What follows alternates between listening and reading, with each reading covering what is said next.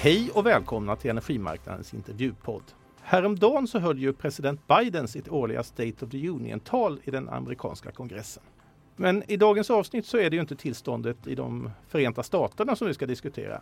Utan istället tänkte jag att vi skulle prata om tillståndet för svensk vindkraft. Och till vår hjälp har vi dagens gäst Thomas Hallberg, tillståndsansvarig på Svensk Vindenergi. Hjärtligt välkommen Thomas! Tack så mycket!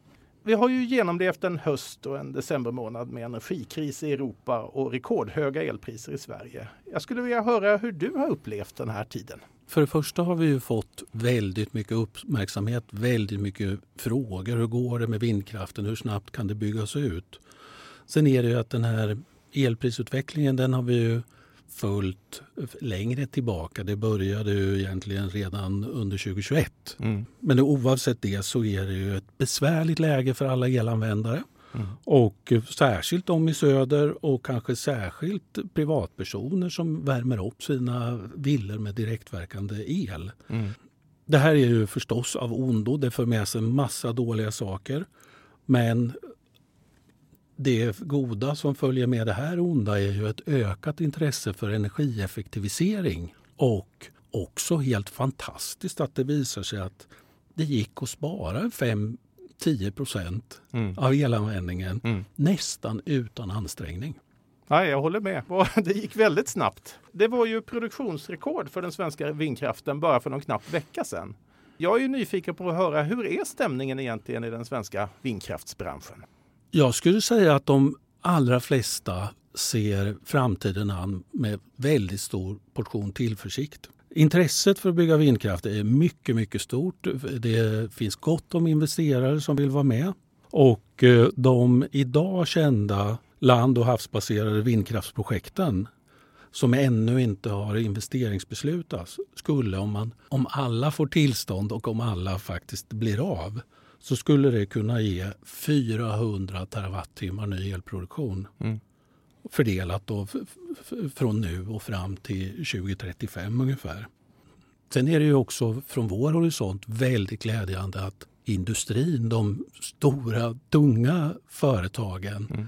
börjar vara tydliga med att de ser vindkraft som en väldigt stor del av lösningen på sin klimatomställning genom elektrifiering och inte minst nu senast i eh, helgen då i Agenda mm. när de eh, pratar om det.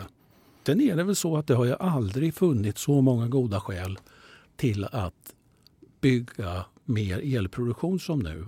Mm. Vi har en klimatkris. Vi vet att vi måste få ner koldioxidutsläppen.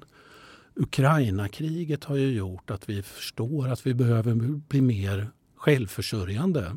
Mm. FOI har varit ute och sagt att dagens centraliserade och importberoende system är mycket sårbart och vi kan minska sårbarheten om vi satsar på inhemsk och decentraliserad produktion av el och bränslen. Och det här talar ju förstås också för ja, en spridd elproduktion över landet. Vilket vi tror också är det som behövs. Ja, det är många som gillar vindkraft, men det är också de som inte gör det. Det har varit eh, väldigt mycket känslor och politisering kring olika kraftslag måste man ju säga de senaste åren. Inte minst under, under valrörelsen kom ju det här fram och även en hel del fake news om eh, vindkraft om jag förstått saken rätt. Kan du berätta lite hur ni upplever det hela inifrån branschen? Vi hade ett eh, möte med Myndigheten för psykologiskt eh, försvar och eh, de berättar då om det ryska narrativet som man försöker sprida i sociala medier och andra kanaler också. Det här går ut på så splittring och minska förtroendet mellan människor och, och myndigheter. Mm. Och några av punkterna som återkommer i det här narrativet är att Sverige är ett land på nedgång som håller på att slitas sönder. Sveriges politiska ledarskap sviker det svenska folket. Sverige klarar inte av att hantera energifrågorna mm. under hösten och vintern. Mm. Och eh, vi ser ju att eh, organiserade vindkraftsmotståndare de sprider de här felaktiga, överdrivna och påhittade uppgifter väldigt mycket. Och då bidrar de till den här polariseringen mm. och eh, minskar tilliten.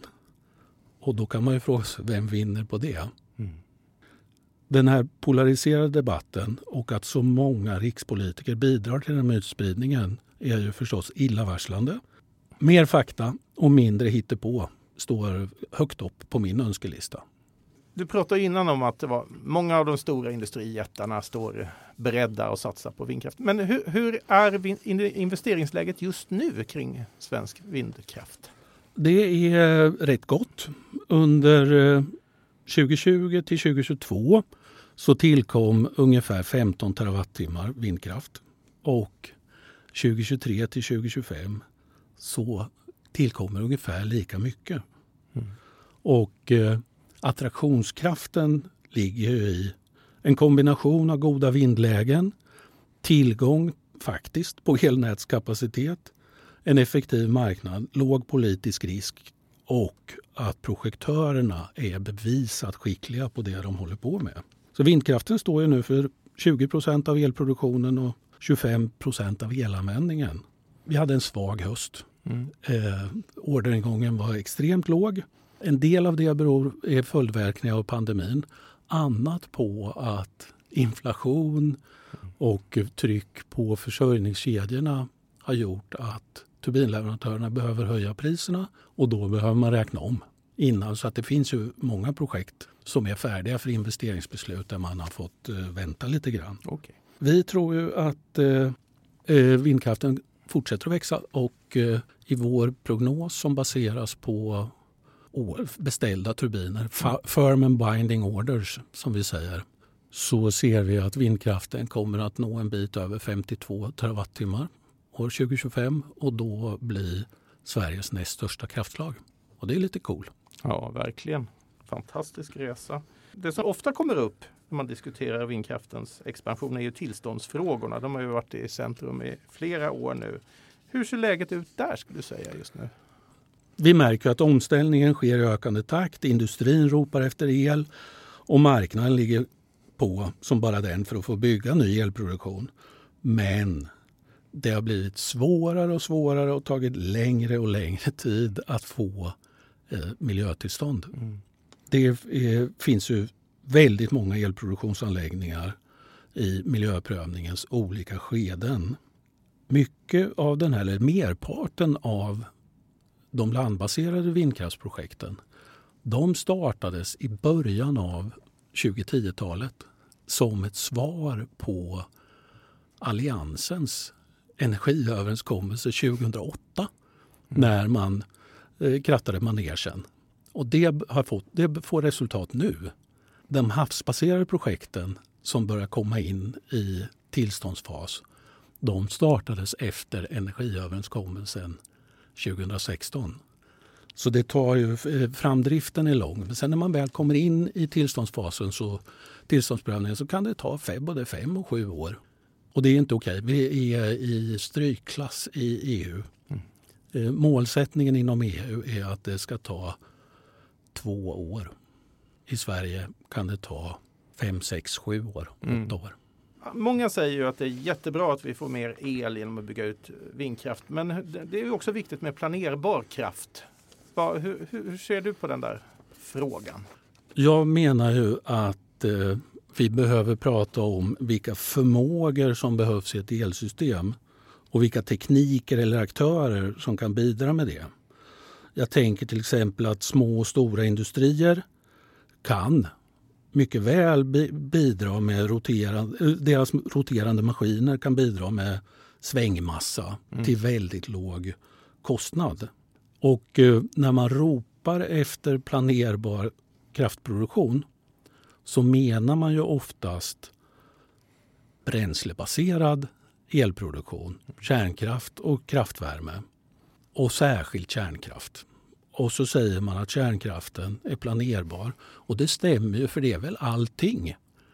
Kruxet är ju att få leveransen att lira med det man har planerat. Och där når ju kärnkraften väldigt sällan upp, om ens någonsin upp till de planerade 88 procenten.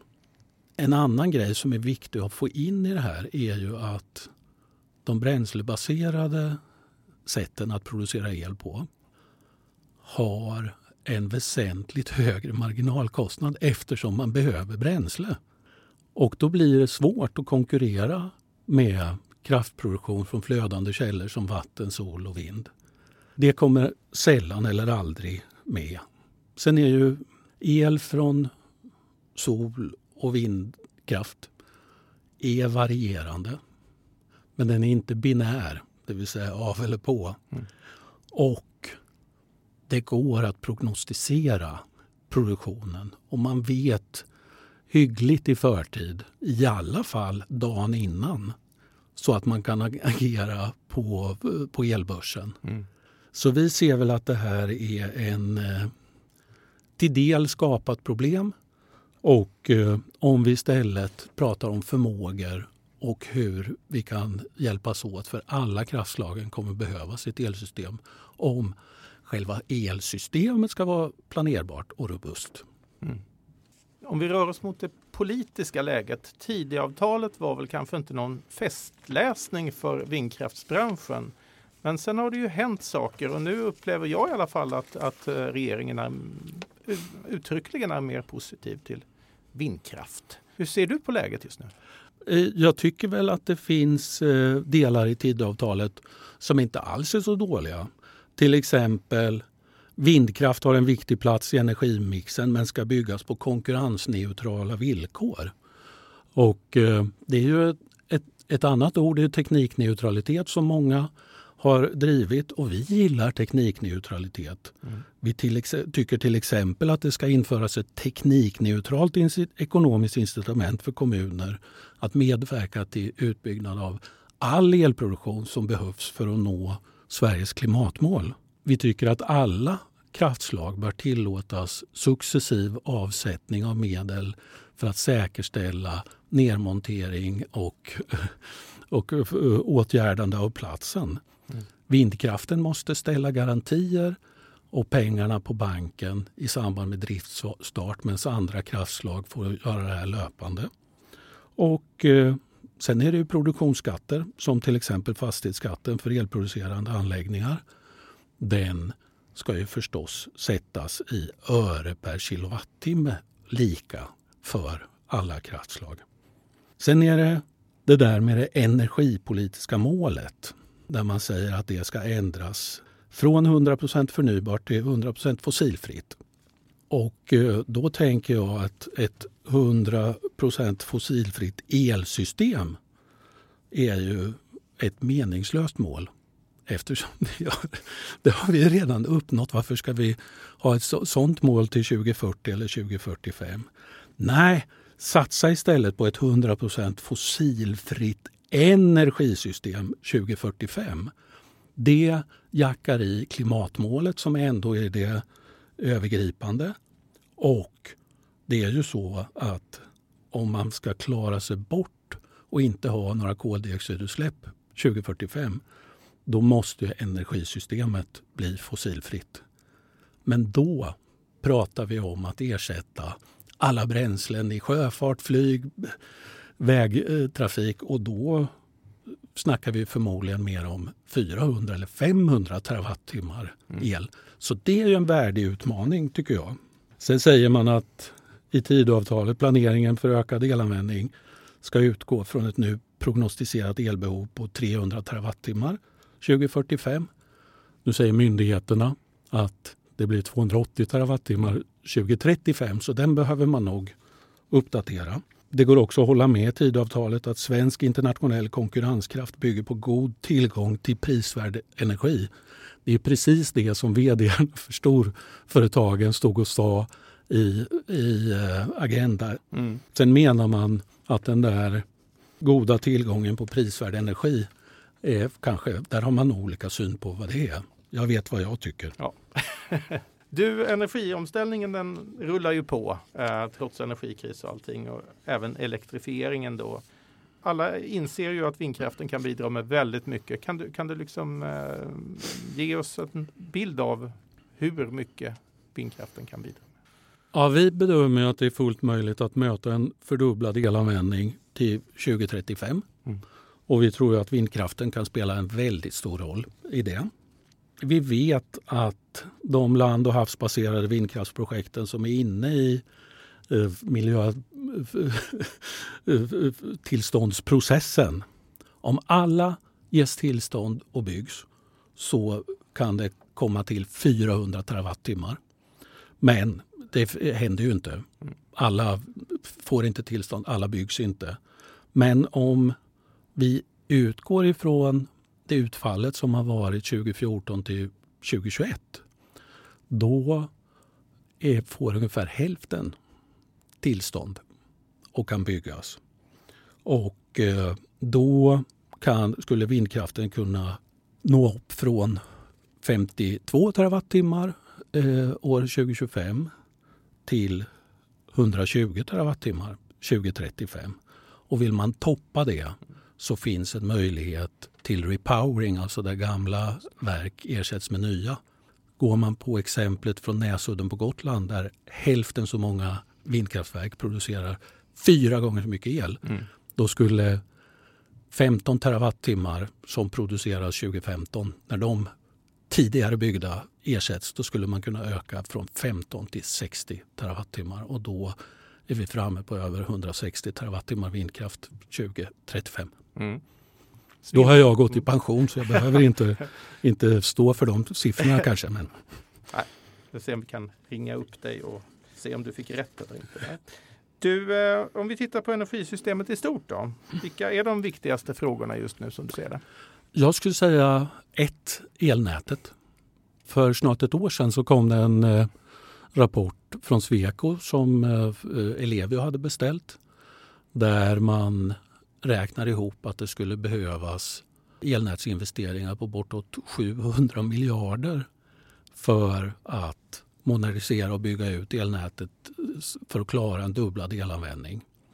Och där sades också att merparten av det behöver komma de närmaste tio åren för då eh, når det befintliga nätet sin eh, tekniska livslängd. Och eh, det här tror jag är en mycket större utmaning än att hitta investerare till ny elproduktion. För här är det ju begränsat vilka som, som eh, kan och får eh, investera. Sen eh, nästa punkt är då som vi var inne på lite grann, tillstånd. Mm. Och här finns det flera saker som regeringen kan göra väldigt snabbt för att underlätta. Det enklaste och snabbaste är att ge myndigheterna nya instruktioner så att eh, de eh, väger in klimat och dubblerat elbehov i sina yttranden. Mm. Nästa mycket snabba åtgärd är att justera en förordning som infördes 2021 som handlar om kontaktpunkt och tillståndsprocessens varaktighet. Det här är kopplat till EU-direktivet. Man säger att man ska ha one stop shop, alltså en kontaktpunkt. Och eh, tillståndstiden ska vara max två år. I Sverige blev det inte one stop shop. Vi har fortfarande väldigt many stops och väldigt många many shops. Mm. Uh, och tillståndstiden är inte i närheten av två år. Men det här är någonting som inte skulle behöva gå genom riksdagen utan det är förordning som kan ändras och det kan regeringen göra snabbt. När man kommer till lagstiftning så finns det färdigremitterade utredningar som är klara att regeringen kan gå vidare med eh, lagrådsremiss och senare proposition och det är klimaträttsutredningen, är miljöprövningsutredningen. Sen tycker vi att det ska införas ett eh, statligt teknikneutralt incitament för att uppmuntra kommuner och medverka till den utbyggnad av elproduktion som behövs för att nå klimatmålet. Mm. Ja, vi får se hur mycket av det där som görs inom den närmsta tiden. Stort tack för att du kom hit idag Thomas. Tack så mycket själv. Tack för att jag fick komma. Det var allt för idag och då vill jag avsluta med att säga att ni har lyssnat på Energimarknadens intervjupodd, en podcast från Bonnier News. Ansvarig utgivare är Kristina Kennedy.